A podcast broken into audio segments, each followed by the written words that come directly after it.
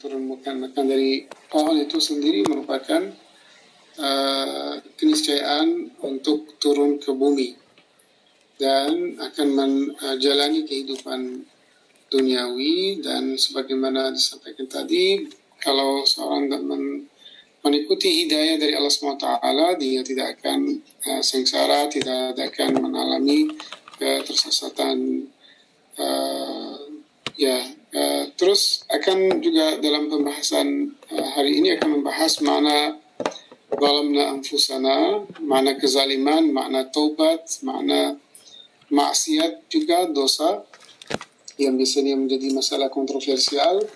Apakah Nabi juga bisa berdosa? Apakah Nabi bisa melanggar hukum Allah Subhanahu wa taala uh, ini semua pembahasan-pembahasan yang akan dibahas uh, Allama Tabawi pada uh, dalam pembahasan uh, hari ini. Uh, ini apa namanya uh, uh, kalau itu apa tulisan sudah jelas sudah muncul? Sudah sudah ya phone saya lagi pakai uh, ini device yang tidak biasanya Qalu ta'ala wa kula minha ragadan uh, ketika masuk surga diperintahkan supaya mereka makan dari seluruh surga tanpa batas kecuali pohon tersebut. Ar-ragad al-hana'u wa taibul aish. Makna dari ragad adalah uh, kesejahteraan, kehidupan yang uh, bahagia dan kehidupan yang uh, tayyib atau kehidupan yang yang menyenangkan. Wa arghad ini menjelaskan secara bahasa kata arghad al-qawmu mawashihim. Jadi seperti orang men, apa namanya memberikan makanan bagi uh, binatang-binatang mereka seperti kambing dan sebagainya tarakuha tara'a kifasya jadi biarkan dia makan di mana pun dia mau tanpa batas rughdun wa nisa'un rughdun ay dhawu 'aishin raghid jadi dalam bahasa ketika mengatakan orang itu ragad dia punya kehidupan yang uh, menyenangkan kehidupan yang sangat sejahtera dan uh, bahagia tanpa batas, tanpa ada batasnya. Itu kehidupan di surga. Ketika mereka masuk surga, kehidupan mereka sangat uh, sangat bahagia dan tidak ada sama sekali yang menyebabkan mereka capek, lelah atau harus misalnya mencari makanan, mencari minuman, semuanya tersedia tanpa ada usaha dan juga uh, yang penting juga di situ ke kebahagiaan di situ tidak campur sama sekali dengan dengan kependeritaan. Itu yang mau disampaikan. Jadi dalam surga tidak ada sama sekali penderitaan. Kalau ada kebahagiaan, kebahagiaan yang mutlak. Wa ta'ala wa la taqraba hadhihi syajara. Lalu ada perintah setelah dibiarkan dan uh, dikasih uh, makan minum dari mana pun mereka mau, ada satu perintah saja yaitu jangan mendekati pohon ini. Wakana nahi innama kana min akli thamarah. Jadi tapi larangan itu bukan sebenarnya mendekati pohon tapi jangan makan dari buah pohon itu. Wa innama ta'allaqa bil qurbi min asy-syajara idzanan bi shiddatin nahi. Kenapa Allah mengatakan jangan mendekati pohon bukan jangan makan dari pohon karena itu untuk mencegah atau untuk men, uh, menunjukkan bahwa betapa uh, apa penting dan betapa bahaya juga makan dari pohon tersebut. Nama Taala bil qurbi min jangan jangan mendekati pohon karena larangan ini larangan yang sangat keras. Wa mubalaghatan fit ta'kid dan juga menekankan bahwa kalau kalian maka pasti ada konsekuensi yang itu niscaya akan terjadi.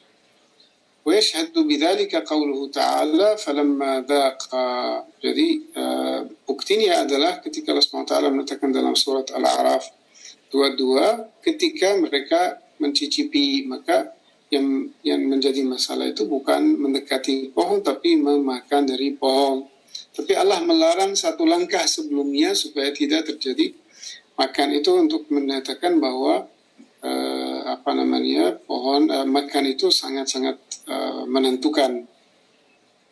Alamma dhaqa syajara badat lahuma sawatuma. Jadi langsung tanpa jarak sama sekali ketika mereka makan atau mencicipi pohon langsung muncul uh, sawat mereka atau aurah mereka dan itu merupakan langsung turun makam mereka.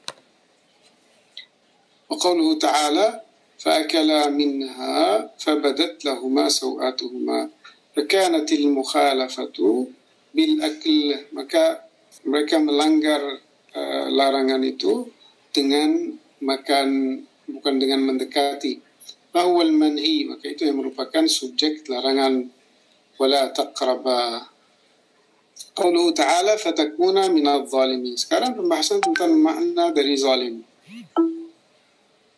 Ini uh, ada beberapa mufassir yang mengatakan supaya mungkin menghindari masalah bahwa Nabi seorang Nabi tidak termasuk orang zalim karena kemaksuman para Nabi maka menjustifikasi itu dengan uh, zalamna itu dari zulmah bukan dari zulm jadi dari kegelapan bukan dari kezaliman supaya mensucikan Nabi dari maksiat atau dari kezaliman itu.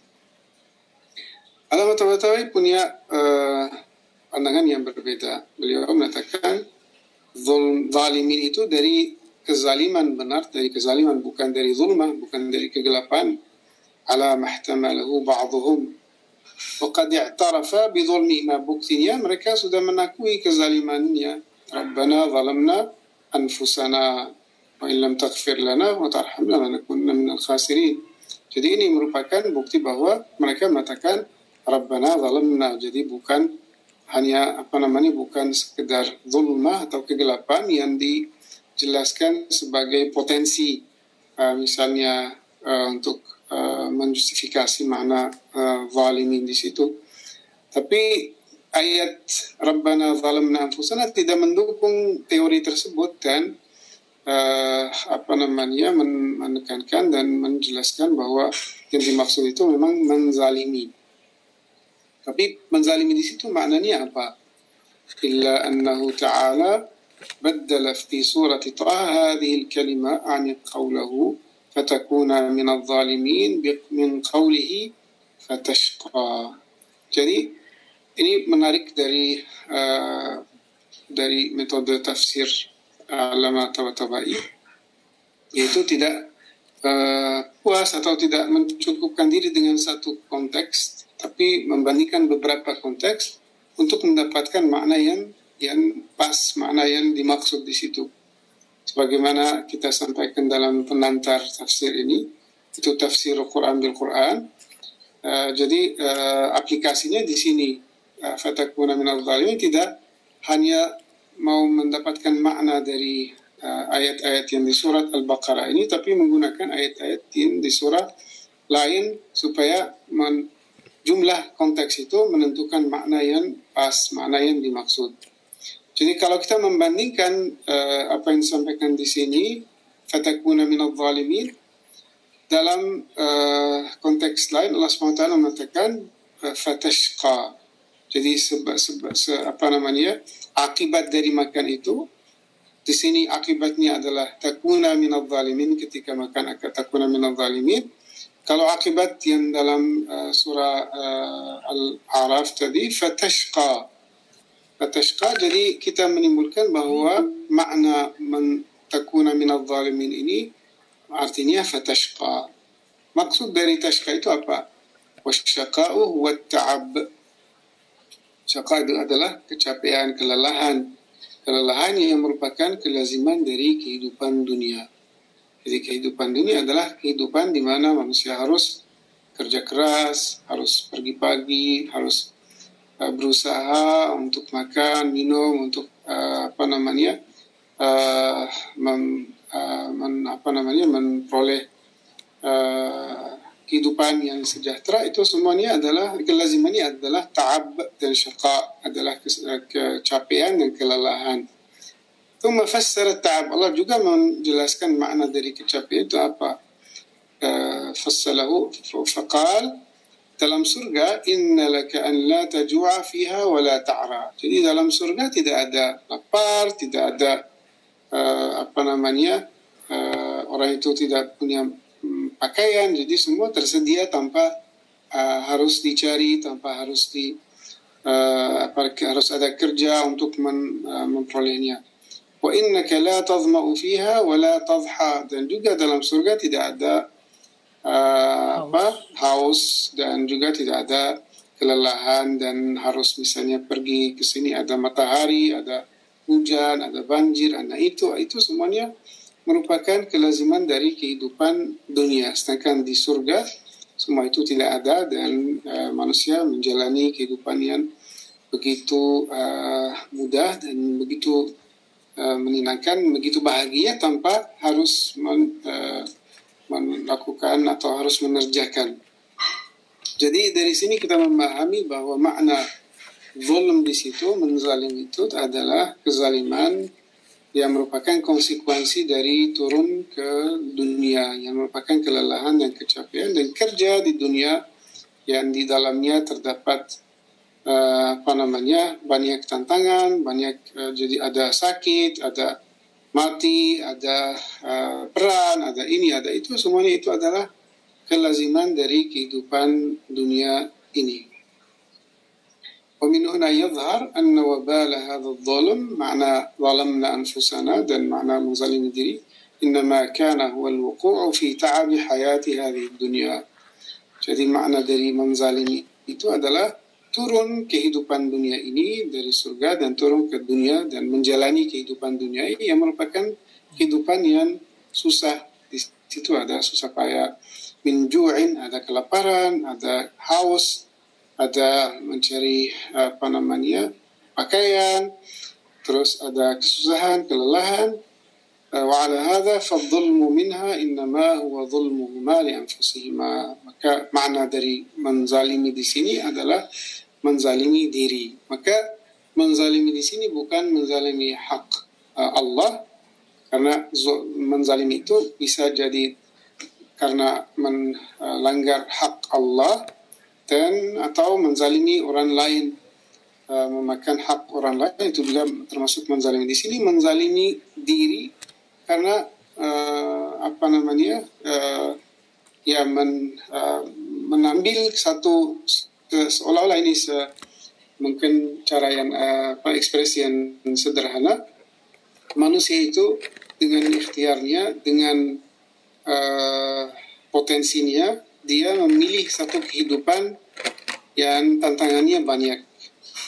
Tantangannya banyak uh, tidak seperti malaikat yang kehidupannya hanya ibadah Uh, juga tidak seperti hewan yang hanya kehidupannya makan minum, tapi kehidupan manusia campur antara kehidupan hewan dan malaikat. Jadi harus dari satu sisi punya aspek hewani, dari sisi lain dia harus menuju dan mencapai kehidupan uh, lebih tinggi daripada malaikat. Dan uh, sebagai uh, makhluk yang menimpung antara uh, semua dimensi ini, ya, itu ada ada ada itunya, ada harganya, ada ada tantangannya. Itu makna dari zalimna anfusana di sini. La bimakna al-ma'siyah. Jadi bukan maknanya bahwa Adam bermaksiat. La bimakna al-ma'siyah al-mustalah maksiat yang uh, terkenal dalam istilah kita. Jadi uh, kita harus hati-hati dalam menafsirkan dan memaknai makna kata-kata yang digunakan Al-Quran. Misalnya uh, asa, dawa, valla, dan sebagainya. Uh, semuanya harus difahami dalam konteks. Di luar konteks tidak bisa mencukupkan diri dengan uh, apa namanya dengan uh, latar belakang kita. Misalnya biasanya kita tahu asa itu dosa jadi langsung ketika di mana kita menemukan kata asa, langsung kita memahaminya sebagai sebagai dosa. Nah itu tidak tidak benar. Harus selalu men, menunggu dan mencari yang dimaksud. Karena uh, yang menentukan makna itu bukan diri kita, bukan juga uh, latar belakang kita, karena latar belakang kita terpengaruhi oleh banyak faktor termasuk uh, pengetahuan dari orang lain yang kita dapat mungkin tidak tepat. Terus uh, mungkin juga pemahaman kita yang kita ambil kata itu sebagai uh, maknanya satu uh, makna yang tertentu kita ambil dari kamus atau dari ini atau dari itu dan itu termasuk uh, apa namanya artinya jangan diambil uh, begitu saja atau taken for granted. Jadi harus memang menunggu makna yang ditentukan konteks Al-Quran. Ini penting sekali. Seperti di sini, orang yang membaca surat Al-Baqarah dan uh, menghadap kata-kata yang seperti ini, zalamna, asa, dan sebagainya, langsung memahami Nabi Adam menzalim karena maksiat dan maksiat itu adalah dosa dan dosa biasa seperti dosa biasa. Sedangkan tidak sama sekali seperti itu. Jadilah bermakna al-ma'siyah mustalah bukan maksiat yang biasanya diketahui orang yaitu melanggar hukum Allah. والظلم على الله سبحانه وتعالى bukan menzalimi Allah subhanahu wa ta'ala من هنا ومن هنا يظهر أيضا أن هذا النهي يعني apa namanya dari sini juga kita bisa memahami satu masalah bahwa larangan di situ bukan larangan yang disebut larangan maulawi eh, larangan irsyadi. Jadi kita ada dua larangan dalam uh, dalam syariat. La, larangan yang disebut nahi, nahi maulawi, ada nahi irsyadi. Kadang Allah SWT mengatakan jangan melakukan ini, melakukan itu. Tapi di situ bukan larangan maulawi. Yaitu kalau kita lang melanggar, bukan maksiat. Larangan irsyadi, larangan yang men menjelaskan antara dua keadaan. Keadaan misalnya tadi keadaan dalam surga yang tidak ada capek, tidak ada lelah, keadaan di menghidup uh, hidup di dunia di mana ada lelah, ada capek, ada haus, ada kerja, ada itu. Jadi ke mana yang uh, mau memilih kehidupan ini atau kehidupan ini silakan kalau apa namanya kamu punya ikhtiar langsung apa namanya pilih. Jadi itu disebut di sini nahi irsyadi, larangan irsyadi. Irsyadi itu menunjukkan yang mana yang terbaik, yang mana yang paling mudah misalnya. Seperti misalnya uh, dokter, seorang dokter memberi uh, apa resep untuk uh, pasiennya. Dia mengatakan misalnya ini obat makan obat ini pagi se, apa, tiga hari se, apa tiga kali sehari. Terus kalau mau uh, sembuh misalnya secara total harus menjaga makanannya misalnya jangan uh, banyak makan. Terus misalnya harus makanannya ini itu harus ada diet yang tertentu. Uh, kalau mengikutinya secara uh, uh, apa namanya secara tepat akan cepat sembuh. Nah, kalau tidak ya terserah dirimu. Jadi ini larangan apa? Apakah dia punya otoritas untuk sebagai syariat? Tidak. Ini sebagai hanya menunjukkan cara yang terbaik untuk sembuh. Ini disebut irsyad. Irsyad. Jadi man uh, menunjukkan uh, jalan yang uh, pintas, jalan yang yang terbaik untuk meraih satu tujuan. Begitu juga di sini dalam kasus larangan ini adalah disebut larangan irsyadi bukan maulawi. Kalau maulawi itu efeknya adalah dosa. Karena di situ yang dizalimi hak Allah. Itu hak Allah ketika Allah mengatakan jangan misalnya uh, la uh, la taqrabu hak mal yatim jangan mendekati harta orang yatim itu adalah larangan maulawi. Jadi barang siapa yang mendekati harta orang yatim dia menzalimi bukan haknya tapi hak Allah itu dosa yang uh, dalam arti syar'i ومن هنا يظهر أيضا أن هذا النهي أعني قوله ولا تقربا إنما كان نهيا تنزيهيا إرشاديا jadi larangan ini adalah larangan yang sifatnya uh, tanzihi jadi menunjukkan uh, jalan yang yang yang uh, terbaik dan menunjukkan bagaimana mereka bisa meraih kehidupan yang uh, sejahtera, sejahtera kehidupan yang tidak ada uh, kecapaian di dalamnya. Ila ma fihi khairul mukallaf di, di mana ada kebaikan uh, orang yang mendapatkan taklif atau yang diperintahkan.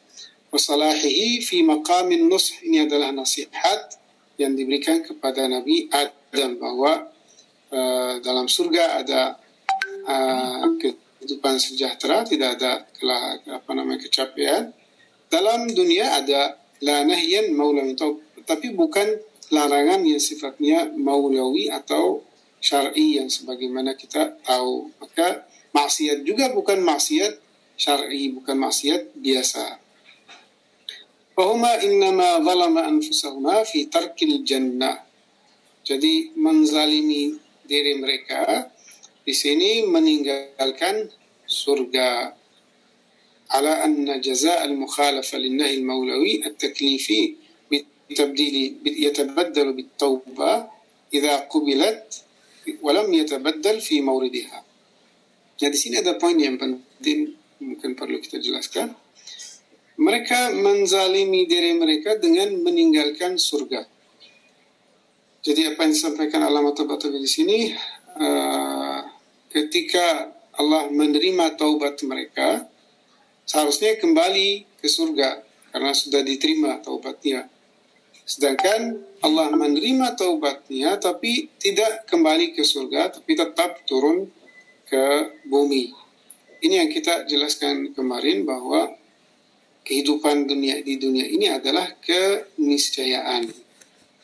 Dan uh, di sini kita bisa mengkaitkan dalam na'amfusana di sini dengan ayat uh, ayat di mana Allah SWT mengatakan tentang amanah. Inna aradna al-amanata ala samawati wal ardi wal jibal yahmilnaha wa hamalaha al-insan innahu kana waluman jahula. Jadi amanat yang tidak bisa dipikul oleh langit, bumi, gunung, tapi dipikul oleh manusia. Allah di situ mengatakan manusia adalah zaluman jahula. Ya, dalam tafsir, salah satu tafsir, di situ zaluman jahula yang disebut sebagai punya potensi yang uh, lebih banyak, lebih tinggi daripada yang lain. Kita bisa mengkaitkan juga dalam anfusana di sini dengan potensi tersebut dengan zaluman jahula di situ. Karena zalama itu di situ turun ke bumi. Kalau tidak turun ke bumi tidak akan memiliki potensi yang begitu luar biasa. Jadi dengan uh, turun ke bumi dengan tantangan uh, memiliki badan yang harus kerja, harus capek, harus sakit, harus ini harus itu juga harus melawan nafsunya yang karena salah satu konsekuensi dari badan itu adalah nafsu harus melawan nafsunya uh, tapi dengan semua kalau dia uh, sukses untuk melawan nafsunya untuk menghadap semua tantangan ini dia akan menjadi layak untuk menjadi khalifah untuk memikul amanat dari Allah Subhanahu wa taala. Itu yang disebut yang mungkin kita bisa dapat juga dari fa'abau fa'abaina an yahmilnaha wa hamalaha insan. Semua amanat itu tidak ada yang bisa memikulnya kecuali manusia dan di situ Allah mengatakan innahu kana zaluman jahula. Jadi kalau kita baca pembacaan awam ya kelihatan ini uh, mencela manusia lalu menjahula tapi dibandingkan dengan yang sebelumnya dia memikul amanat karena lalu menjahula uh, kalau seharusnya ini adalah pujian bukan uh, mencela manusia tapi pujian jadi zulm di sini memang sebagai pujian tapi adalah konsekuensi dari kehidupan yang uh, dalamnya di dalamnya terdapat banyak tantangan فإنهما تابا Nabi dan Adam dan Hawa mereka bertaubat wa qubilat taubatuhuma taubat mereka diterima oleh Allah SWT tapi mereka tidak kembali walam yarja'a ila ma kana fi min al jannah tidak kembali ke surga yang sebelumnya. Walaula anna taklif irsyadi laysa lahu tabi'atu takwiniyya duna tashri'iyya lastalzama qabul at-tauba ruju'ahuma. Jadi kalau perintah tersebut itu maulawi ya bukan irsyadi akan mereka kembali karena kalau diterima taubatnya maka Allah kembali kepada mereka juga dan mereka kembali ke derajat yang sebelumnya. Tapi di sini uh, taklifnya irsyadi bukan maulawi dan konsekuensinya adalah konsekuensi yang takwini satu keniscayaan eksistensial. Memang mereka harus turun ke bumi, bukan hanya sekedar syariat. Kalau syariat, orang taubat, dia Allah kembali kepadanya, dia, dia kembali ke keadaan sebelumnya. Ila ma kana fihi min maqamil qurb. وسيأتي هذا الكلام بقية فيما سيأتي إن شاء الله. كان لي سنفورنا كان محساني دلم محسان بريكوتنيا لالو محسان تنتان معنى شيطان من بودا أدن دن هو. قوله سبحانه وتعالى فأزلهما الشيطان. الظاهر من هذه الجملة كان ظاهرها وإن لم يكن أزيد من وسوسة الشيطان. معنى فأزلهما الشيطان di situ was-was dari syaitan sebagai ketika mengatakan kepada Nabi Adam al adulluka ala syajaratil khuld mithla ma yuwaswisu lana. Seperti was-was syaitan setiap hari setiap saat dia was-was dan berusaha untuk menggoda kita. Ala nahwi ilqa'il waswasa fil qalb min ghairi ru'ati syakhs. Apakah was-was di situ adalah was-was seperti kita? Kita nggak lihat syaitan hanya mendapatkan inspirasi di dalam hati kita atau di dalam uh, imajinasi kita tanpa melihatnya atau tidak. Kalau dalam kasus Nabi Adam dari um, majmuk ayat-ayat itu kelihatan bahwa tidak seperti itu. Jadi uh, Nabi Adam memang melihat syaitan dalam bentuk orangnya. لكن الظاهر من أمثال قوله تعالى في سورة طه جديك لو تكون كونتكس سورة طه فقلنا يا آدم إن هذا سيتو الله سبحانه وتعالى برفرمان وهي آدم إني لا. موسوه مو. إن هذا عدو لك ولزوجك. إني أنا لا. موسو بجنودا بجي مو. يدل على أنه تعالى أراه ما الشيطان سيتو مريكا دبات مليهات. syaitan sebagai sosok sebagai orang wa'arrafahuma iyyahu dan mereka mengenal syaitan sebagai orang bisyakhs wal ain dan bisa dilihat sebagai orang yang berdiri di depan di hadapan mereka dunal wasf tidak hanya sekedar bahwa sifatnya وكذلك قوله تعالى حكاية عن الشيطان juga dalam ayat uh, lain ya Adam hal adulluka ala syajaratil khuldi ayat. Jadi eh, setan bicara dengan Adam. Jadi orang bicara dengan orang jadi adalah uh, satu dialog yang antara dua orang yang saling menghadapi. Jadi itu bukan uh, dalam ekspresi ini menunjukkan juga di situ Nabi Adam dapat melihat syaitan. Haitsu ata bil kalam fi surati hikayatil khitab. Dalam ayat tadi uh, dialog tersebut terjadi dalam uh, ya dalam bentuk dialog antara dua orang yang saling menghadapi. Wa yadullu dzalika ala mutakallimin masy'urin bih itu menunjukkan bahwa uh, syaitan adalah orang yang berbicara di situ yang dilihat oleh Adam alaihissalam. وكذا قوله تعالى في سورة الأعراف وقاسمهما juga dalam surat Al-A'raf bersumpah syaitan di situ inni lakuma laminan nasihin wal qasamu innama yakunu min muqasim dan orang yang bersumpah harus dilihat sebagai orang yang di, uh, di, di dilihat secara kasat mata. وكذلك قوله تعالى وناداهما ربهما ألم أنهكما عن تلكما الشجرة وأقول لكما أن الشيطان لكما عدو مبين Ya, ini mungkin juga jawaban atas pertanyaan yang sebelumnya. Uh, ada pertanyaan bahwa bagaimana di situ syaitan lakum aduun mubin di sini uh, mungkin konteksnya adalah dia di situ nyata dan dilihat oleh oleh uh, Hawa dan Nabi Adam alaihissalam. Kullu dzalika yadullu ala annahu kana yatara'a lahuma. Jadi semua konteks-konteks ini menunjukkan bahwa syaitan waktu itu bisa dilihat oleh Nabi Adam dan Hawa.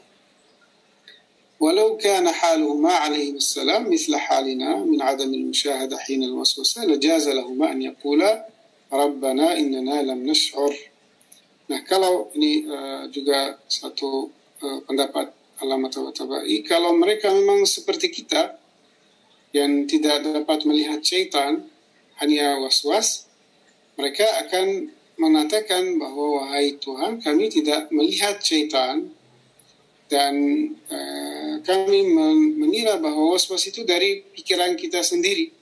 Seperti kita sekarang, kita nggak tahu bahwa inspirasi itu dari syaitan, dari diri kita atau dari mana. Jadi perlu uh, perlu perhatian khusus supaya mendeteksi itu. Jadi mereka juga bisa menjustifikasi uh, perbuatan mereka dengan mengatakan kepada Allah, wahai Allah kami tidak melihat syaitan dan kita itu adalah pandangan kita melihat itu adalah pandangan kita sendiri. Ia min afkarina min ghairi istish'arin bihudurih tanpa melihat dan menghadap syaitan. ولا قصد المخالفة ما وصيتنا ولا قصد المخالفة ما وصيتنا به dan kami tidak bermaksud untuk men, menantang atau untuk uh, men, uh, mengerjakan yang engkau sudah men, uh, memerintahkan.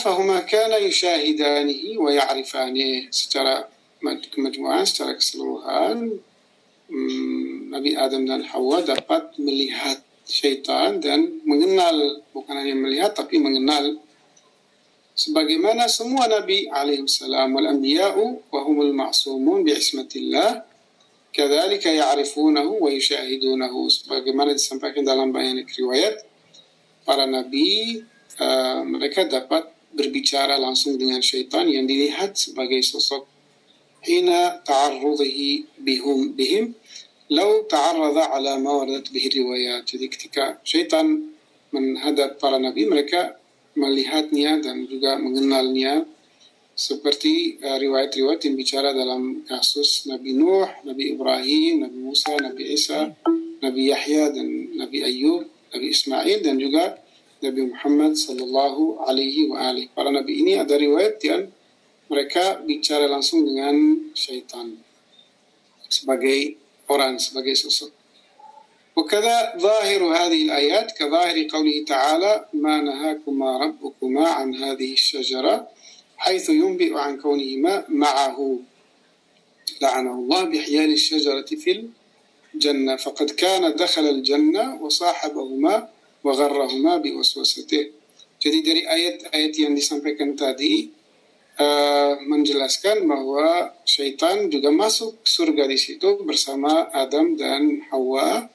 Dan mereka dapat di situ. Dan di sini ada poin yang dijelaskan Allah Taala baik. Tidak ada masalah kalau syaitan di situ masuk surga. Jadi uh, kita tahu bahwa sudah diusir dari uh, dari kedudukan sebelumnya ketika tidak mau sujud.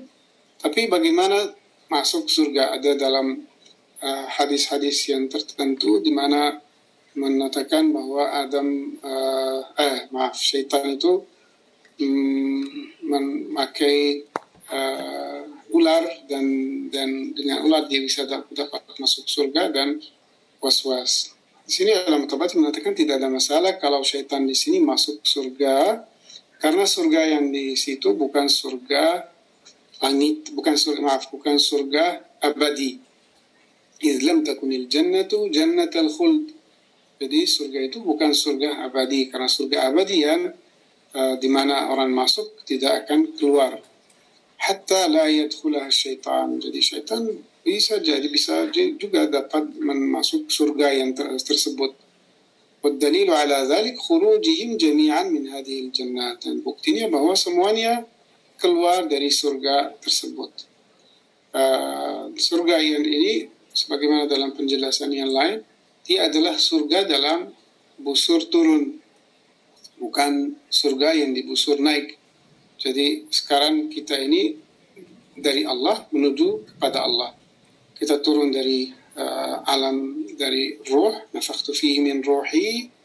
Terus dalam uh, perjalanan kita turun ke bumi ini harus melewati alam-alam, alam ruh, alam barzakh sampai ke alam materi dalam alam arwah dan barzakh itu ada surga-surga di situ. Dan kita melewati bisa jadi surga yang dimaksud di situ adalah surga yang di alam barzakh yang uh, dibusur turun ke bumi, bukan surga yang dibusur naik yang ketika kita dalam uh, busur naik itu makna kebangkitan dan uh, ketika kita menuju kepada Allah dan surga itu tidak ada yang keluar ketika masuk surga tersebut. Sedangkan yang di busur turun orang melewatinya dan keluar darinya. حتى لا يدخلها الشيطان والدليل على ذلك خروجهم جميعا من هذه الجنة دليلnya bahwa semuanya keluar dari surga itu. وأما قوله تعالى خطابا لإبليس فاهبط منها فما يكون لك أن تتكبر فيها فاخرج منها uh, penjelasan dari ayat Al-A'raf 13 ini ketika Allah memerintahkan kepada iblis turunlah. Dan di situ engkau tidak bisa takabur dan keluarlah dari situ. Dari sini ini bukan yang surga yang dimaksud di sini. Bisa jadi fayumkin an yakuna al-murad bihi al-khuruj min al-malaika jadi maksud keluar dari kalangan malaikat, tidak boleh berkumpul dengan malaikat ketika ada takabur. Awil khuruj minas sama atau keluar dari langit. Langit di sini bukan langit uh, fisik ini, langit di atas, yaitu maksudnya alam arwah. Min jihati kauniha maqamu qurbin wa tashrif. Karena langit di situ merupakan uh, tempat atau kedudukan kemuliaan dan uh, kedudukan yang tinggi di sisi Allah Subhanahu wa taala. Ketika iblis takabur dia turun dari makam tersebut dan uh, derajatnya uh, menjadi rendah. Qauluhu ta'ala wa qulna bitu ba'dukum li ba'din adu. Terus Allah memerintahkan turunlah ke bumi di mana kalian adalah musuh bagi kalian, bagi yang lain. Sebagian bagi yang lain adalah musuh. Tahir siyak annahu khitabun li Adam wa zawjatih wa iblis. Ini uh, dari kata-kata uh, yang disampaikan di sini kita bisa memahami bahwa Allah di sini memerintahkan Nabi Adam, uh, Hawa dan iblis semuanya turunlah kalian uh, semuanya dan sebagian bagi sebagian adalah musuh. وقد خص إبليس وحده بالخطاب في سورة الأعراف. دان كان دلم سورة الأعراف. يندي آه، كتكن أو يندي برنتاه كان تورون إتو ساتو بكان مجموع. حيث قال فهبت منها. دي سيتو تورون الله منها. فما يكون لك أن تتكبر. فقوله تعالى اهبطوا كالجمع بين الخطابين وحكاية عن قضاء qadallahu bihil adawa baina iblis la'anahullah wa baina adam wa zawjatih wa dzurriyyatihima. Jadi sebagaimana dari dua konteks ini kita bisa memahami bahwa iblis di di uh, diperintahkan untuk turun dari makam langit lalu diperintahkan untuk turun semuanya baik itu Adam dan Hawa maupun uh, keturunan mereka dan juga iblis termasuk juga dan uh, Allah SWT menentukan bahwa uh, dia akan menjadi musuh bagi uh, manusia. Wakadzalika qadha bihi hayatahum fil ard dengan juga perintah tersebut Allah men menentukan bahwa kehidupan mereka akan menjadi di bumi. Wa mautuhum dan mereka akan meninggal mati di dunia ini fiha wa ba'thuhum fiha akan dibangkitkan dari bumi ini. wa dzurriyyatu Adam ma'a Adam dan juga keturunan Adam bersama Adam dalam uh, hukum yang sama dalam uh, kaidah yang sama. kama rubama yustash'ar min dhahiri qawlihi fiha tahyun wa fiha tamutun wa minha tukhrajun jadi dalam bumi kalian akan hidup di situ kalian akan mati dan di situ, dari situ juga akan bangkit. وكما سيأتي في قوله تعالى ولقد خلقناكم ثم صورناكم ثم قلنا للملائكة اسجدوا لآدم akan dijelaskan lebih lanjut di surat Al-A'raf. Uh,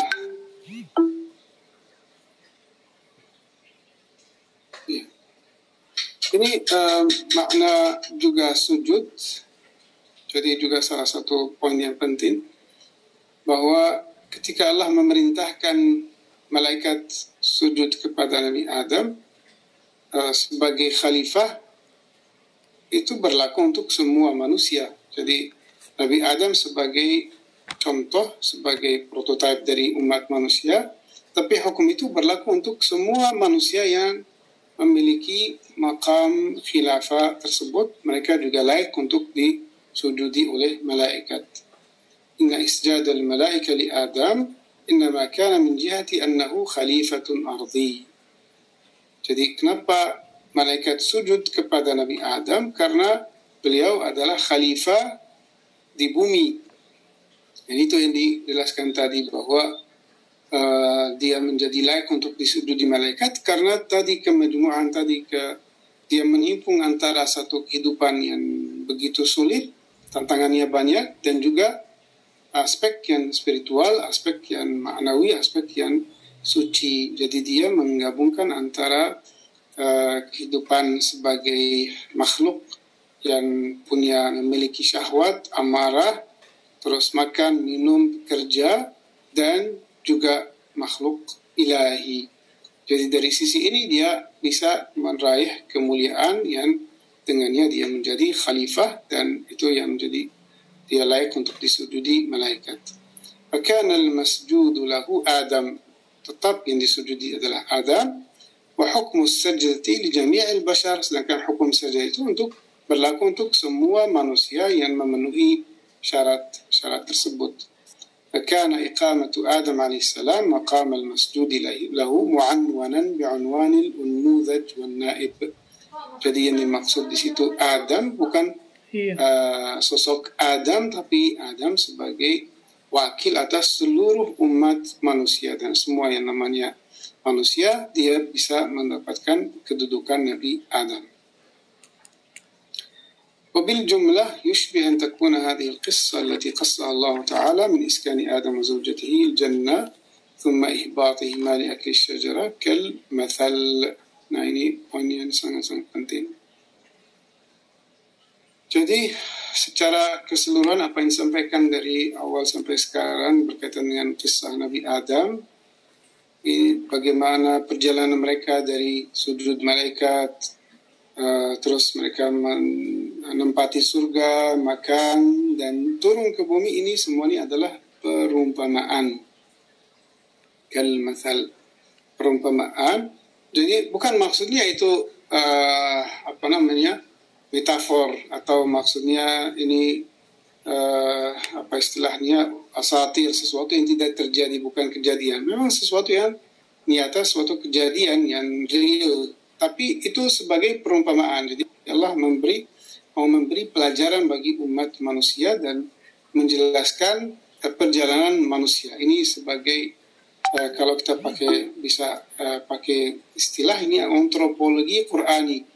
Jadi menjelaskan uh, apa itu manusia secara Quran, siapa itu manusia dan bagaimana perjalanannya dan uh, puncak dari pencapaian manusia itu uh, seperti apa dan uh, potensi-potensi manusia itu seperti apa.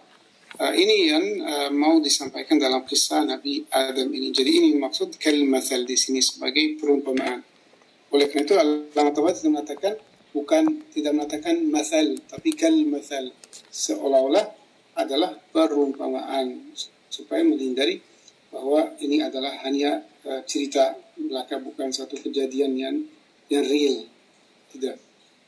Kalmathal يمثل به ما كان الإنسان فيه قبل نزوله إلى الدنيا من السعادة والكرامة. Jadi dalam perumpamaan ini kita bisa mengetahui uh, kedudukan manusia ketika di surga, yaitu dalam makam-makam spiritual, bagaimana dia mengalami kebahagiaan yang luar biasa, kemuliaan yang yang tidak bisa dibayangkan sampai menjadi uh, apa namanya orang yang disujudi malaikat bisukunihi hadiratal ketika dia menempati menempati uh, tempat yang mulia, tempat kesucian, dia mendapatkan uh, kedudukan yang sangat-sangat tinggi. Wamanzilatir rif'ati wal qurb kedekatan dengan Allah SWT dan itu merupakan uh, tempat kebahagiaan, tempat uh, kenikmatan, tempat keakraban, tempat cahaya dan di situ dia bisa menjadi teman bagi makhluk-makhluk yang mulia, makhluk-makhluk yang suci seperti malaikat, seperti Allah SWT. Wa akhilla'a ruhani, ya punya teman-teman yang ruhani. Wajiwari Rabbil Alamin dan men, uh, apa namanya menjadi akrab dan uh, dekat dan uh, tetangga dengan Allah Subhanahu wa taala itu merupakan satu kehidupan yang sangat-sangat uh, luar biasa. Lalu innahu yakhtaru makanahu kulla ta'abin wa ana. Setelah itu bisa jadi seorang meninggalkan semua kebahagiaan ini, meninggalkan kehidupan yang mulia ini, dan dia memilih kehidupan di mana kehidupan itu penuh kecapean, kelelahan, penuh masalah, penuh uh, kesengsaraan, yaitu kehidupan dunia. Jadi, uh, apa namanya, sebagaimana kita lihat sekarang, orang yang memilih untuk Uh, menjadikan dunia sebagai tujuan, ya dia memilih untuk menjalani kehidupan yang sengsara. Sedangkan orang yang menjadikan uh, kehidupan ini sebagai bekal, zat, sebagai hanya uh, sesuatu yang dimanfaatkan untuk sementara untuk menuju kehidupan yang yang yang sebenarnya yang sejati kebahagiaan yang sejati yang, se, yang sebenarnya yaitu kehidupan yang abadi di uh, bersama Allah SWT dan makhluk-makhluk yang suci. Cuma innahu yakhtaru makanahu dia meninggalkan menukar semua ini dengan tempat yaitu dunia di mana itu penuh uh, kelelahan, penuh kecapean, penuh masalah, penuh hal-hal yang tidak disukai. Kita lihat di dunia ini tidak ada kesenangan pun yang tidak campur dengan penderitaan. Semua kesenangan campur dengan penderitaan. Tapi padahal banyak manusia yang memilih kehidupan ini. Wa alamin ada ada kesakitan, ada ada penderitaan bil maili ila hayatin faniyah. Ketika dia condong ke kehidupan yang fana, dia menuju dan memilih kehidupan yang fana ini sebagai tujuan wajifah bahkan sebagai bangkai bagaimana di uh, sifati dalam banyak riwayat dunia adalah bangkai muntina yang baunya sangat uh, menyakiti dan ia sangat rendah.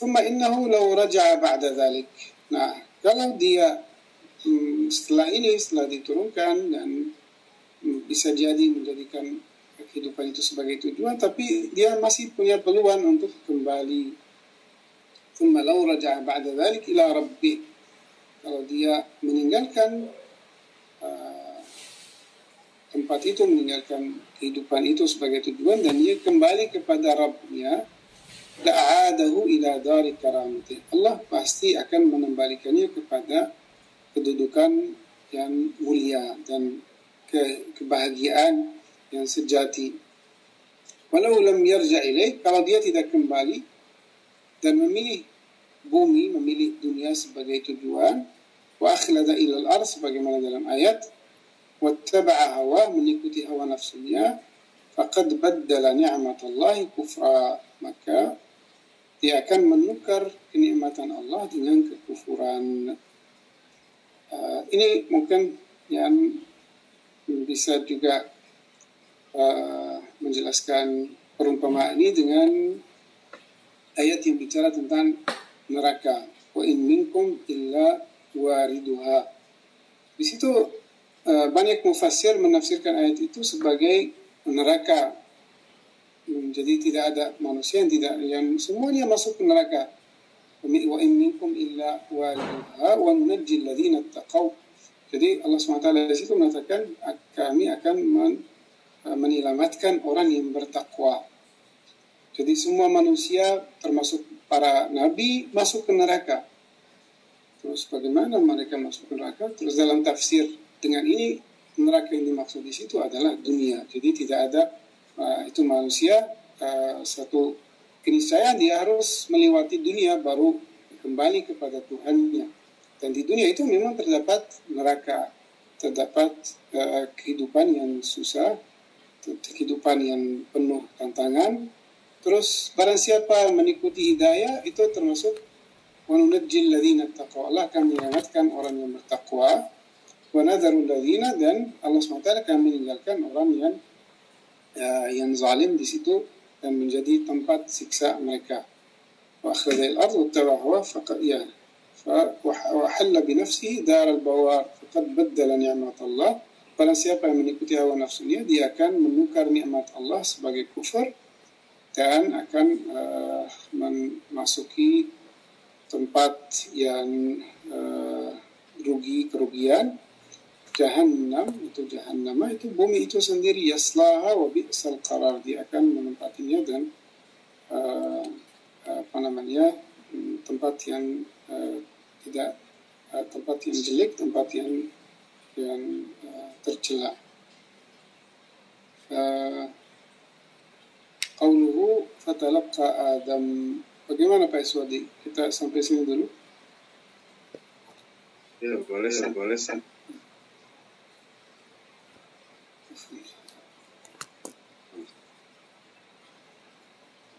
Jazakumullah khairan kasih Ustaz. Baik, kepada Ibu sekalian demikian dari penjelasan Ustaz. Kita masih di ayat 35 surat Al-Baqarah. Silakan bagi antum yang ingin bertanya bisa menggunakan chat atau bisa raiskan menggunakan mikrofon. Ya, uh, sudah ada pertanyaan di chat saat kita mulai saat ya? Ya, boleh silakan. Uh, dari Ibu Nia Furani, Salam Ustaz uh, izin bertanya bagaimana membedakan adanya godaan setan bujukan hawa nafsu dan kejahatan diri dan bagaimana mengatasinya masing-masing. Godaan setan bujukan hawa nafsu dan kejahatan diri. Ya terima kasih. Uh, ya sebenarnya syaitan juga tidak memiliki, tidak dapat menggoda, tidak dapat was-was kecuali dengan kita yang membuka jalan ketika kita meniputi hawa nafsu. Ketika ada uh, was-was dari nafsu, was-was dari nafsu itu disebut dalam riwayat hadithun nafs. Nafs itu bicara seolah-olah bicara dan punya banyak permintaan-permintaan yang uh, menikmati, memakai, menggunakan dunia tanpa batas. Kadang-kadang sampai memang mencari justifikasi. Mencari justifikasi untuk menggunakannya. Yaitu disebut hadithu an-nafs atau waswas dari nafs. Uh, seperti orang bicara dengan orang, jadi seolah-olah kita lagi bicara dengan diri sendiri. Uh, nah, uh, kita harus mengontrol itu dengan murakabah. Dengan murakabah, menawasi diri sendiri dan melihat permintaan nafsu itu memang permintaan yang uh, sesuai dengan uh, uh, kebaikan diri kita, sesuai dengan kesempurnaan, sesuai dengan uh, anjuran Allah SWT atau uh, dia adalah sesuatu yang uh, menghancurkan diri kita sesuatu yang uh, men, apa, menyakiti diri kita dan menyebabkan masalah dan bahaya bagi diri kita. Jadi di situ kita harus hati-hati terhadap uh, permintaan-permintaan nafsu kita. Jadi oleh karena itu kita jangan mengambil tindakan kecuali dipertimbangkan, kecuali dilihat uh, dari sisi Allah bagaimana uh, sesuatu itu itu adalah keinginan nafsu kita atau keinginan Allah baru kita boleh jalani. Jadi kalau kita jalani tanpa mempertimbangkan, tanpa melihat uh, akibat dari apa yang kita mau lakukan, itu akan membuka pintu untuk syaitan dan ketika uh, di situ syaitan menunggu, memang dia uh, seperti uh, apa pasukan yang menunggu di mana ada kesalahan dari dari uh, orang dia akan menyerang. Begitu juga kita harus selalu waspada, selalu mengawasi diri kita dan mengawasi permintaan-permintaan nafsu kita. Uh, ya, jadi begitu kita bisa membedakan antara was-was syaitan, was-was nafsu, dan juga inspirasi ilahi. Kalau inspirasi ilahi selalu menyuruh kita untuk melakukan hal yang baik, melakukan ibadah, melakukan hal yang baik, itu uh, perlu dijalani dan perlu dilakukan. Ya, mungkin sekian. Assalamualaikum. Waalaikumsalam warahmatullahi wabarakatuh. Uh, saya ya, alhamdulillah lah atas terjemahan Ustadz ya kan menambah wawasan. Tapi Ustadz tadi bilang berhadapan orang sama orang. Kayaknya kita ini bukan berhadapan orang sama orang. Kayaknya berhadapan kita kepada dulu kan Ustadz pernah menyampaikan bahwa iblis dan setan itu adalah sifat begitu. Ya. Karena dalam ayat Al-Arab kalau nggak salah itu ya dalam surah Al-Arab ya, pas saja ila iblis karena minal jinni papasako an amri rabbi begitu ya kan? Jadi karena minal jinni ya kan? Dan jin itu diciptakan dari api. Karena dia sendiri mengakui kau ciptakan aku dari nar sementara dia dari tanah nah, kemudian timbullah kesombongan pada diri tapi ada saya melihat yang lain dari situ, Ustaz, ya kan. Apakah apa kita ini berhadapan dengan jin atau dengan sifat itu begitu? Karena kan Ustaz bilang iblis dan setan itu adalah sifat, sementara yang yang menggoda si Adam ini katanya iblis itu adalah merupakan sifat dan si penggoda sebenarnya dari jenis jin menurut ayat yang tadi saya sampaikan. Itu satu begitu ya kan. Nah, kemudian dalam kehidupan berbangsa dan bernegara ini ya kan, bagaimana sifat itu uh, dilakukan oleh manusia yang berbangsa dan bernegara. Seperti kita ketahui, kalau ada orang mengatakan begini, polisi itu adalah tupoksinya apa melindungi apa semua segala macam lah begitu atas rakyat. Kalau saya malah memberi apa definisi polisi itu adalah pencegah manusia dari berbuat yang perbuatan iblis dan setan dan mencegah mereka untuk tidak masuk neraka begitu. Ya, tapi di dalam undang-undang yang mengatur kita itu tidak menyentuh sedikit pun apa penguraian dari tafsir tentang iblis dan setan ini. Karena ada permintaan iblis dan setan yang kita tanpa sadari karena di dalam diri kita ini ada hawa nafsu yang tempat dia memberi apa mencari makan untuk menyesatkan manusia sehingga mereka tidak paham untuk mengatur sebuah undang-undang. Alhamdulillah lah wilayatul al-faqih ya bagi orang-orang yang berwilayah itu kayaknya saat, apa, apa satu penjagaan Allah terhadap manusia untuk mengikuti apa untuk tidak mengikuti iblis dan setan tadi sehingga kita dapat terapa, terapa, terpimpin dan terlindungi. Bagaimana menurut Ustadz tentang sistem wilayatul faqih dalam rangka melindungi mereka dari perbuatan sifat ya yang masuk ke dalam diri manusia, sifat iblis dan setan itu. Karena jelas itu papasako an amri rabbihim. Jadi kalau undang-undang yang mengatur kita ini tidak mencegah kita untuk papasako an amri rabbihim, perlu kita ikuti atau kita koreksi atau kita lawan? Nah, itu pertanyaannya Ustaz. Assalamualaikum. Waalaikumsalam. Terima kasih. Ya, uh, yang pertama yang kita pernah mungkin sampaikan, uh, setan itu sifat, iblis juga sifat. Ya betul, tapi yang disampaikan hari ini sosoknya yang sifatnya iblis balasa itu ay ya, ya asa atau dia putus asa dari rahmat Allah Subhanahu wa taala atau syaitan juga jauh dari Allah Subhanahu taala. Itu betul sifat.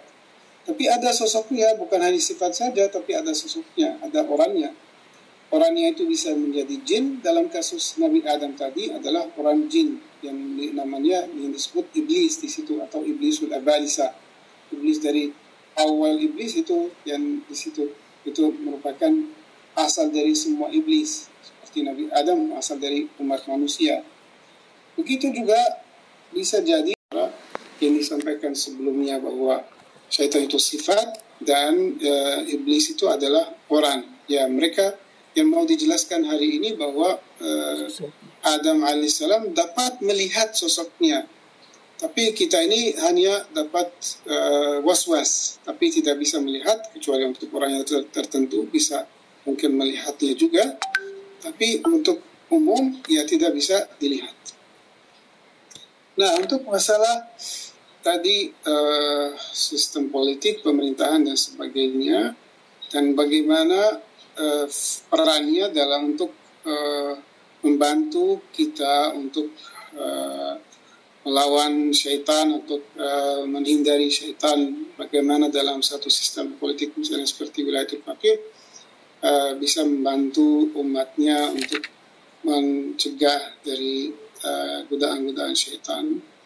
Ya, kita tahu sebagaimana impian dari setiap manusia dan itu juga impian dari setiap agama di mana ada pemerintahan yang uh, di mana ada keadilan, ada uh, kesejahteraan secara menyeluruh dan uh, kezaliman tidak ada dan di situ manusia bisa menjalani kehidupan yang yang mulia tanpa ada banyak uh, tantangan, tanpa adanya banyak godaan.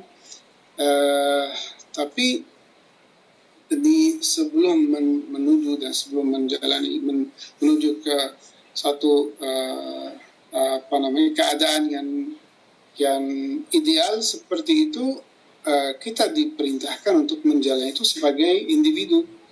Sebagai individu jadi kalau uh, kita berusaha dan berusaha untuk menjalani jadi Allah SWT dalam surat Al-Baqarah tidak menjamin hanya untuk uh, masyarakat manusia sebagai masyarakat mm-hmm. luas, tapi setiap individu juga yang menjalani hidayah, menjalani perintah Allah SWT, dia akan selamat dari godaan syaitan. Mentabi'a hudayah, itu baik individu maupun maupun masyarakat.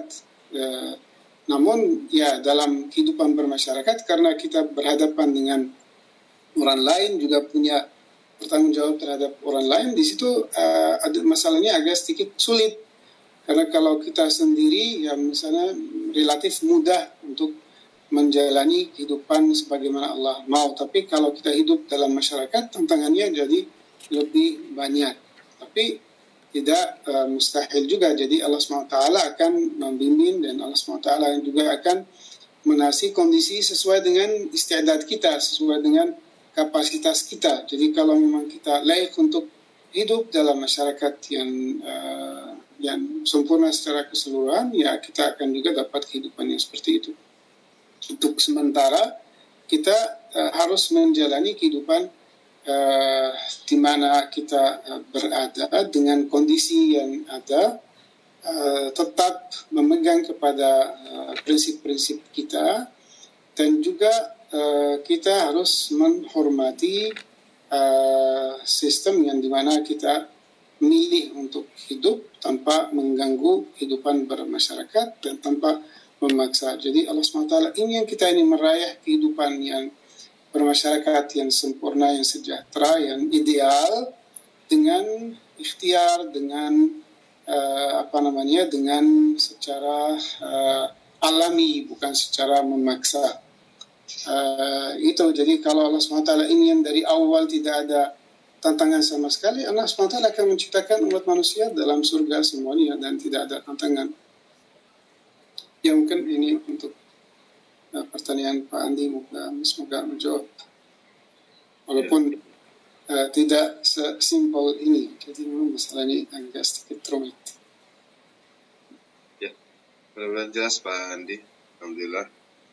Nah, kita lanjut dulu Pak Ahmad. Sebentar ya Pak Ahmad ya. Kita yeah. lanjut dulu ke Pak Targib. Salam Ustaz kalau Adam, Nabi Adam turun ke alam dunia karena makan sesuatu yang dilarang bagaimana setan bisa turun ke dunia. Kalau melihat penjelasan sebelumnya, setan masih mampu naik ke surga dan menggoda Adam walau dia sudah dikeluarkan karena membangkang. Turun ke alam dunia, terus alam turun. Bagaimana setan, uh, maksudnya iblis turun ke ke, ke bumi juga ke, ke dunia gitu, tapi tak bisa naik lagi bolak-balik gitu. Ya, bukan surga itu bukan surga yang sifatnya uh, abadi. Jadi surga yang barzakhi. Surga, surga yang barzakhi yang bisa di uh, akses oleh syaitan juga tadi Alamat Tabatai mengatakan surga itu bukan surga abadi yang mustahil dimasuki oleh syaitan tapi surga yang barzakhi yang bisa diakses oleh syaitan juga. Hmm. Uh, ya. uh, kita ke Pak Ahmad, silakan Pak. Terima kasih, Aswan. Uh, Assalamualaikum warahmatullahi wabarakatuh. Waalaikumsalam. Alhamdulillah, Allahumma salli wa barik ala maulana Muhammad wa ali Muhammad. Uh, saya ingin mungkin minta responnya Ustadz. Uh, saya tertarik dengan kata kamasal itu ya, kamasal yang yang apa yang sulubihi seterusnya. Yeah. Uh, dari sini saya memahami seperti ini bahwa surga itu adalah sebenarnya uh, kenikmatan bersama Allah. Nah, kemudian neraka itu adalah uh, tenggelam dalam uh, dunia al-ard tadi itu. Nah, jadi sebenarnya ketika Adam dicipta uh, itu dia berada pada makam kuds ilahi tadi Lalu kemudian turunlah eh, eh, maka eh, diperintahlah malaikat dan jin itu sujud. Ah, diperintahlah malaikat jin itu sujud. Tapi kemudian Allah mengatakan la taqraba hadhihi sajarah. Uh, jadi ada enam hawa dalam kuts ilahi tadi. Kemudian Allah mengatakan la taqraba hadhihi sajarah. Itu sebenarnya uh, peringatan Tuhan kepada Adam dan Hawa untuk dia tidak jatuh dalam uh, makam kutsia tadi dimatkan kusia tadi. Tapi ternyata Adam uh, melewati itu atau melakukan mendekati pohon tadi atau memakan uh, buah tadi. Maka dia pun jatuh ke dunia.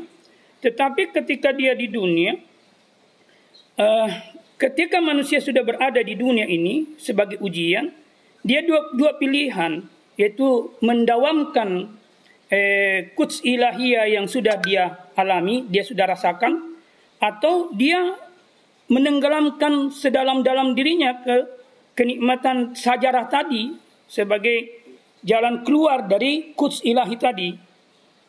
Nah, maka maka di dunia orang yang mendawamkan kuts ilahiyah di dunia dia akan sampai eh, dia berada dalam surga di dunia dan sekaligus akan berakhir dalam surga abadi. Tapi orang yang tenggelam dalam kenikmatan dunia maka dia akan berada di neraka dunia karena tidak memaripati Allah atau memaripati Allah tapi tidak um, uh, mewujudkan secara faktual dan dia akhirnya juga akan berada di neraka abadi di neraka abadi semua orang masuk neraka mengakui keberadaan Allah dan memaripati Allah tapi tidak bisa merasakan kenikmatan bersama Allah Nah, itu mungkin itu satu respon yang saya ingin tanyakan Pak. Ya, minta responnya Ustaz. Yang kedua, dengan penjelasan tabat tabai tabat tabai ini saya eh, memahami, Anda tahu apa saya salah memahaminya bahwa Adam itu sudah jadi sudah jadi nabi eh, setelah dia diciptakan bukan jadi nabi ketika di dunia diturunkan di dunia, tapi dia sudah jadi nabi di surga yang ada larangan begitu. Di surga ada larangan.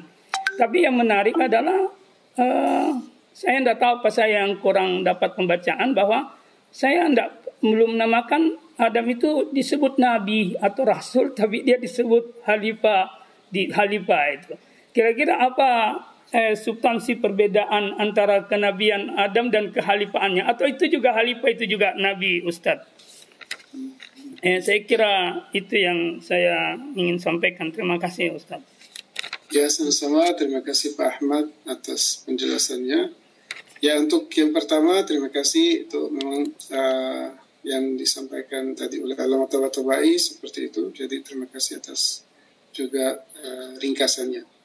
Terus yang kedua yaitu uh, khalifah dan nabi. Jadi nabi adalah aspek imba. Imba itu memberi uh, berita. kabar, memberi uh, berita kepada yang lain Jadi dia mendapatkan berita dari Allah dan dari situ dia menimba atau menyampaikannya kepada yang kepada yang lain dari dari wahyu.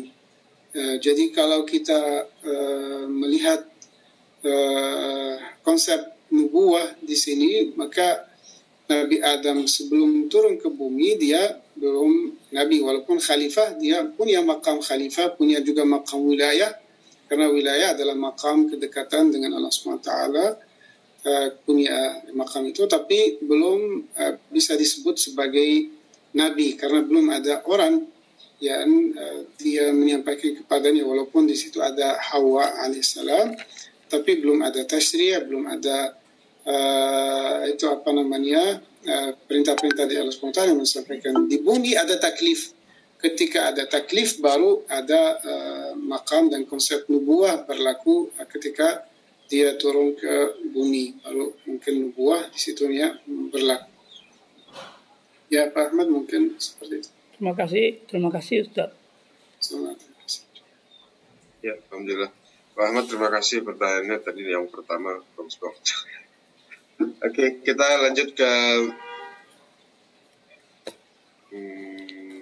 Ibu uh, Sabaria.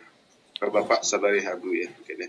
Salam Ustaz, uh, bagaimana pula ada golongan yang menafikan ada campur tangan dari badan setan karena apabila terjadi sesuatu halo? kejahatan uh, yes, yes, Ustaz. Ya, halo? Iya, Ustaz. Ya, ya, sekarang sudah. Ya. Uh, ada pertanyaan dari Pak Sabaria Abdul Ustaz. Salam Ustaz, bagaimana pula ada kegolongan yang menafikan, menafikan ada campur tangan dari setan, badan setan maksudnya. Karena apabila terjadi sesuatu kejahatan, hanya saja dari hawa nafsu manusia itu semata. Golongan menafikan ada campur tangan dari, dari setan. Oh iya, iya. Khususnya makan pisang uh, hari, nak. Ya, memang kalau dari Al-Quran, dari riwayat, memang syaitan punya uh, campur tangan. Memang ada ada syaitan, bukan hanya nafsu yang ada. Jadi ada yang mengatakan bahwa uh, syaitan itu hanya waham kita, jadi uh, nafsu kita, ya. waham kita, khayalan kita itu yang disebut syaitan. Dan dari Al-Quran, dari riwayat, memang ada sosok syaitan, ada ada makhluk-makhluk yang memang menggoda uh, manusia tapi melalui uh, nafsunya. Melalui nafsunya merupakan ketika dia membuka jalan membuka pintu untuk syaitan ya dia dapat masukan dapat inspirasi dari syaitan waswas dari syaitan. Jadi bukan hanya dari diri kita sendiri. Ya, ada juga setan yang besar ya Ustaz ya, ya betul. Ya, uh, yang bisa memaksa kita melakukan yang bisa memaksa orang-orang. Ya. Baik, alhamdulillah kita hmm, ke Ibu Tenri Sose silakan Bu. Terima kasih Pak Iswardi. Assalamualaikum warahmatullahi wabarakatuh. Waalaikumsalam warahmatullahi wabarakatuh. Uh, Ustaz, saya ingin bertanya dari uh, pencerahan Ustaz tadi tentang makna. Saya ingin bertanya tentang makna zolim Ustaz.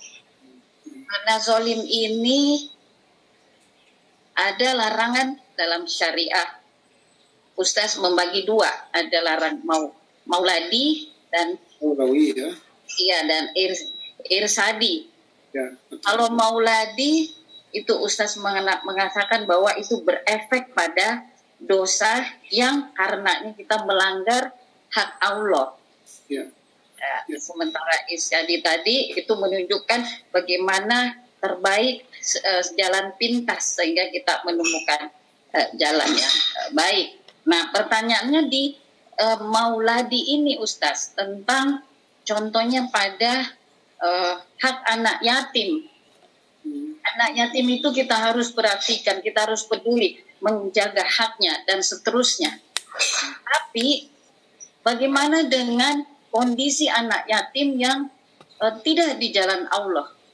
Ada contoh zamannya Nabi Musa bersama Nabi Haidir pun seorang Nabi mampu membunuh karena kalau anak yatim ini dibiarkan hidup dia akan merusak Nah, sekarang ini Ustaz, ada kasus-kasus yang ada yang menggunakan sosok yatim ini. Apalagi ada kasus-kasus hukum dalam perkawinan. Nah, mohon petunjuk Ustaz, apa yang harus kita lakukan ini untuk uh, uh, apa namanya kita tidak salah di dalam bertindak. Terima kasih Ustaz. Sama-sama, terima kasih Bu Tadri. Uh, ya tadi memang ada makna dalam tu nafsi misalnya kita baca dalam doa dalam tu nafsi dalam tu nafsi itu pun kadang konteksnya adalah uh, hukum uh, irsyadi misalnya orang daripada misalnya menjalani uh, ihsan jadi melakukan yang terbaik melakukan yang uh, paling uh, mendekatkan supaya dia dapat kedudukan yang di sisi Allah SWT dia menjalani kehidupan biasa walaupun dia taat tapi tidak dan tidak bermaksiat tapi taatnya hanya sekedar uh, apa namanya biasa-biasa aja. Tapi tidak menjalani uh, misalnya suluk dan sebagainya. Itu juga termasuk dalam tuh nafsi yang kita baca dalam doa umail jadi dalam tuh nafsi bukan hanya maksiat tapi tidak maksimal dalam menjalani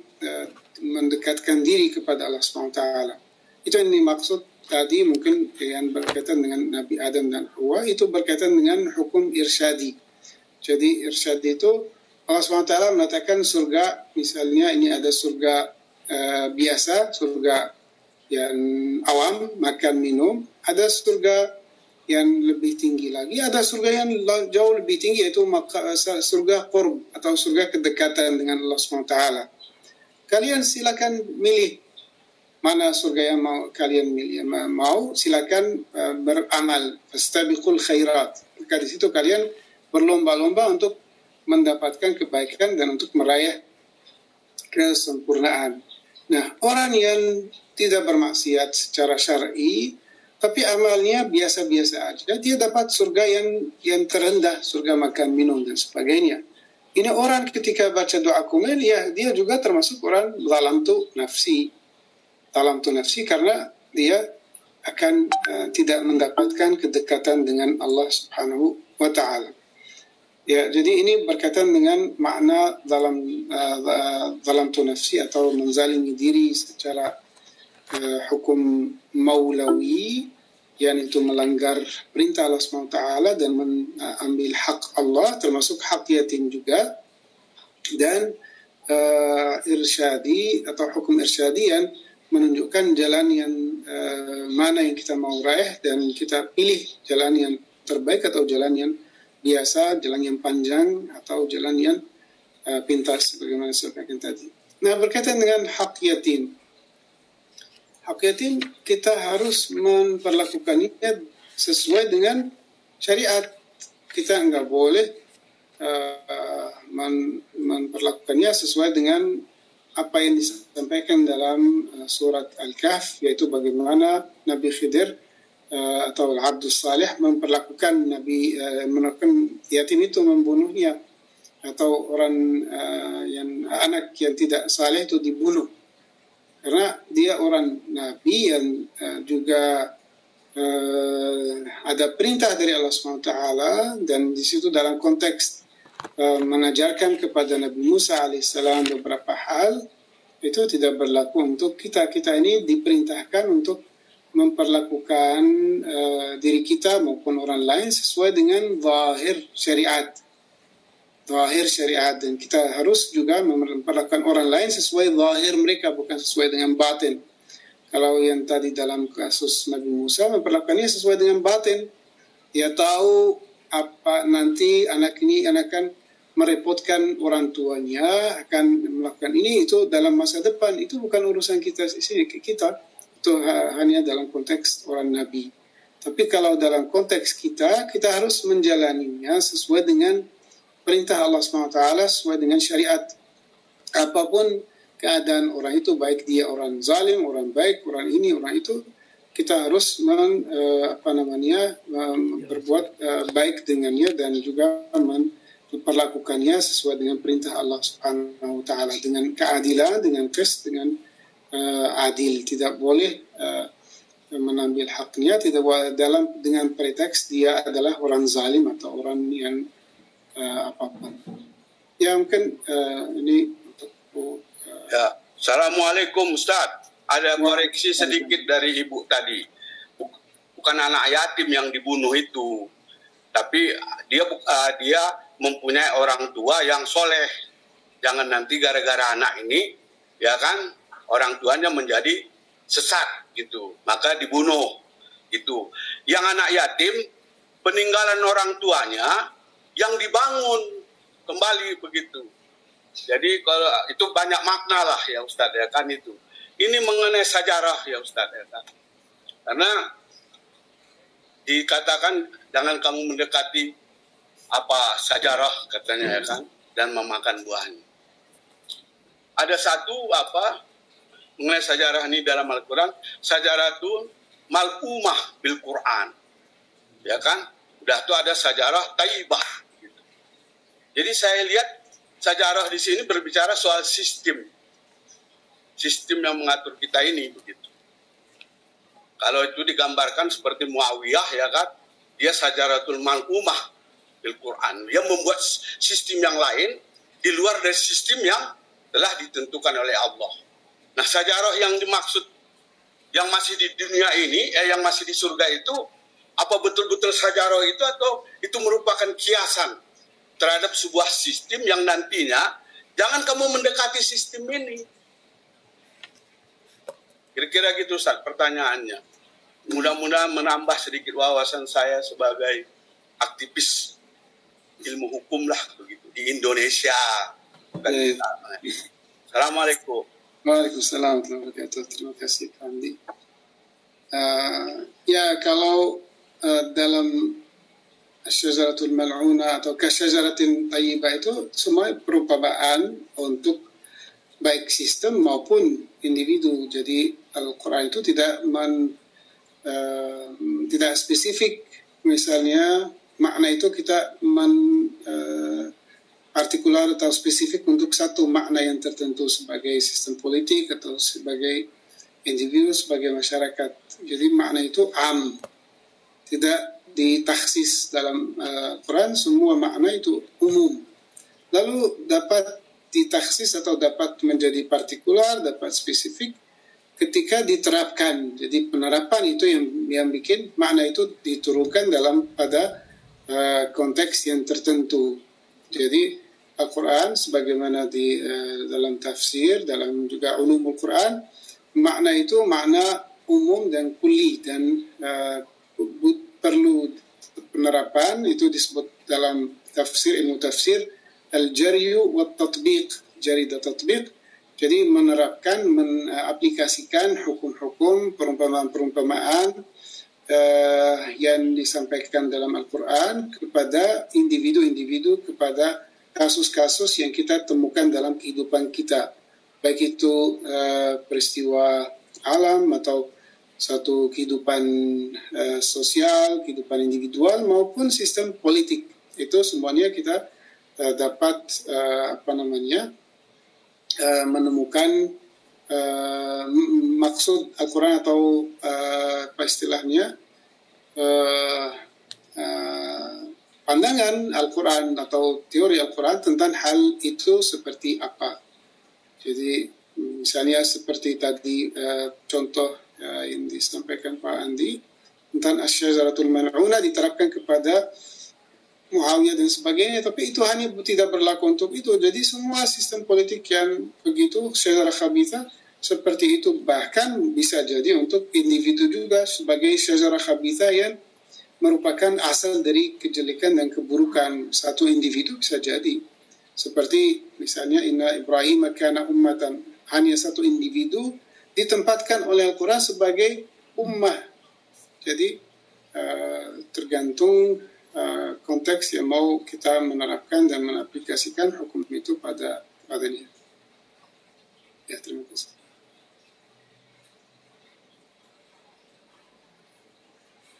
Alhamdulillah. Um, Ya, silahkan. Uh, um, waktu kita sudah habis ada pertanyaan satu lagi sedikit mungkin saat dari Ibu Gusna Hatta soal uh, apakah kita memang seharusnya kita totalitas untuk. Uh, maksudnya bagaimana dengan potensi hawa nafsu yang selalu mengancam kalau misalnya suatu waktu bisa lepas. Ya iblis yang dalam diri kita yang harus kita tentukan gimana Mungkin sedikit, sedikit, seringkas saja bagaimana dengan potensi hawa nafsu yang selalu menancap dalam diri ya terus terlepas kembali jalan untuk ya uh, ya memang kita bisa menghindari tadi menghindari dengan menjalani uh, hidayah yang disampaikan Allah SWT dan menjalani kehidupan yang sesuai dengan kehidupan Rasulullah Sallallahu Alaihi dan uh, para imam salam kehidupan itu yang menjamin kita dapat uh, men, uh, selamat dari godaan nafsu dari was-was nafsu dari was-was syaitan dan sebagaimana kita bahas dalam misalnya dalam irfan amali dalam itu itu belajar lagi kita belajar di situ bagaimana melawan ini melawan uh, mensucikan diri kita dari sifat-sifat yang uh, uh, buruk, sifat-sifat yang jelek supaya kita menjadi wadah bagi inspirasi ilahi terus-menerus. Jadi tazkiyatun nafs merupakan upaya untuk men, uh, menyelamatkan diri kita dari was-was. Jadi selama diri kita masih kotor, masih ada hijab-hijab, kita akan selalu dapat uh, apa namanya was-was dan dapat godaan dari syaitan dan dapat juga mengalami bekas-bekas dari perbuatan-perbuatan kita itu menjadi beban bagi kita dan menghambat perjalanan kita. Maka uh, oleh karena itu harus memang melakukan mujahadah, tazkiyah, mensucikan diri terus-menerus agar kita menjadi wadah yang dapat inspirasi ilahi terus-menerus. Jadi secara singkat. Ya. Alhamdulillah. Uh, baik, kita 11 menit udah lewat dari jadwalnya. Kita pula khairan kasih Ustaz atas penjelasan antum.